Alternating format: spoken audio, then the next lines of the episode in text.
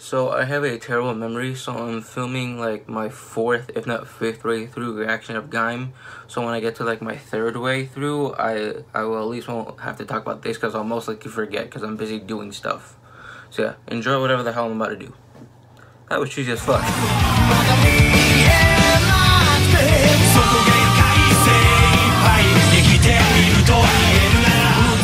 So there are like what 47-ish episodes in Gaim and I'm like on 15 right now. So watching Rider Gaim like it was like confusing at first but like the more I watched it it made sense because like in the beginning of the episode or, like the very first episode it showed um I'm saying Kaito. I'm gonna put a picture of the dude because I honestly am terrible with names.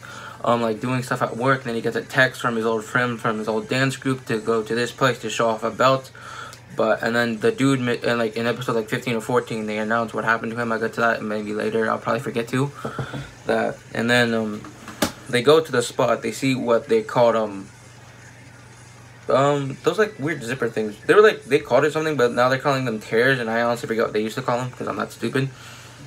It was actually like interesting and like the first fight it felt like dragged out but like at the same time i kind of i kind of like that it was dragged out and then like sometime around episode two, that's where they meet like their rival team. It feels weird. So this is basically a Kamen Rider in a nutshell. This is like the first part of Kamen Rider Gaim in a nutshell. Dance, fruit, ancient warriors, Kamen Rider. Yeah, and like somewhere on the end, you add gods. I'm not joking. So I'm just gonna skip a few things and like okay on episode um 14 you find out what happens to the um, to the old leader of the dance group that texted um, him, and apparently he ate one of the fruits from the Helheim for Helheim forest because apparently if a human eats those, they become into like one of those monsters and like their human body dies and like the fruit takes over them or something. It's like it's really weird and it's commerce. So what do you expect? at the same time. Like it's actually really good. Like as you know, I'm horrible at explaining things. But like Kamen Rider was like actually actually cool. Like they showed like the cool belts and everything, and like around episode twelve, they showed like the soda belts. I'm not joking. So like it's like there are lock seeds, and like instead of like with the ordinary lock seeds, like um. I don't know why I grabbed this. With the ordinary lock seeds, you just do you push the knife down into the fruits. Like that's kind of cool. But with like the soda ones, you put like the lock in and then you just push a lever. And it's, a, and it's like that weird ass voice like lemon energy, soda. And like it sound the way I'm describing it sounds stupid, but it's actually kind of fucking cool. Like I'll even show you. Okay, so here's a regular henshin.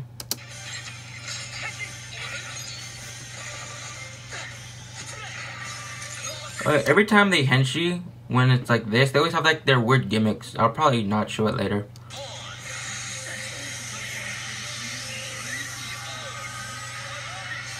ToQger. So yeah, that's how the regular one is. And apparently he's supposed to be like a samurai type thing. I'm still trying to figure out how he looks like a bug. I'm saying it's like decade and involves the eyes, but like his eyes are just basically an orange slice. Oh, oh, I almost forgot to mention this, but Rider Gaim gets a watermelon mech. I just wanted to point that out because I thought this was fucking cool.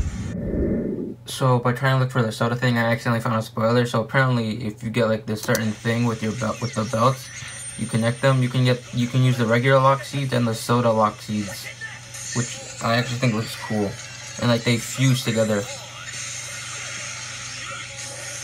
Or I mean mix. Fuse mix, kind of the same thing. I actually think that's kind of cool.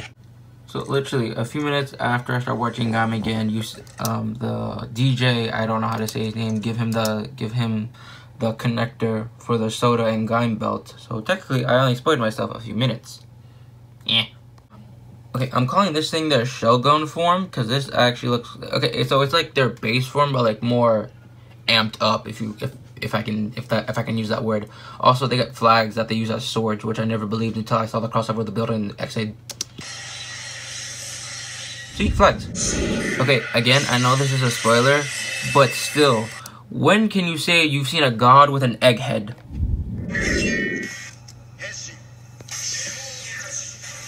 This is the soda one, which it looks dumb, but at the same time cool.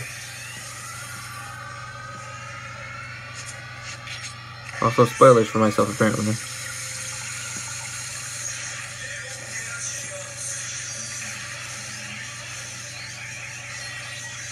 I thought that was gonna be a cake for a second. Oh, it is a cape. Oh, and um, if you follow the podcast series, I really started with Emerson, and I someone think Anna. That was a weird face I made. You would know that I said Comrade Gaim was technically the first ever Comrade, like first ever. It was either, either Comrade OOO or Comrade Gaim was the first ever Comrade I ever watched. Because it was either, if it was OOO, because I walked in on my brother watching Comrade O's, and I, I was like a kid, so I got scared and I left like a wuss. Or if it was Gaim, it was the first time. I was like at my cousin Alex's house that you see in my second channel. I play um, video games with a lot where I was at his house and I was watching and I was watching Power Rangers Triangenzor, which is uh, now called, which is a which is called Super Sentai ToQger, and the, with the crossover with Gaim. And I watched that whole thing. I I was like really dyslexic. I could not read anything for my life, so I just watched the whole thing. I'm like, oh, I can't wait for this to be an American dubbed, or like that's how I'm saying it right now because I forget what I said when I was a kid, and then I realized that's never gonna happen. But like, and then like, I'm almost on the part where they show it, so I'm actually excited to rewatch it again because the last time I watched it, was like I was a kid.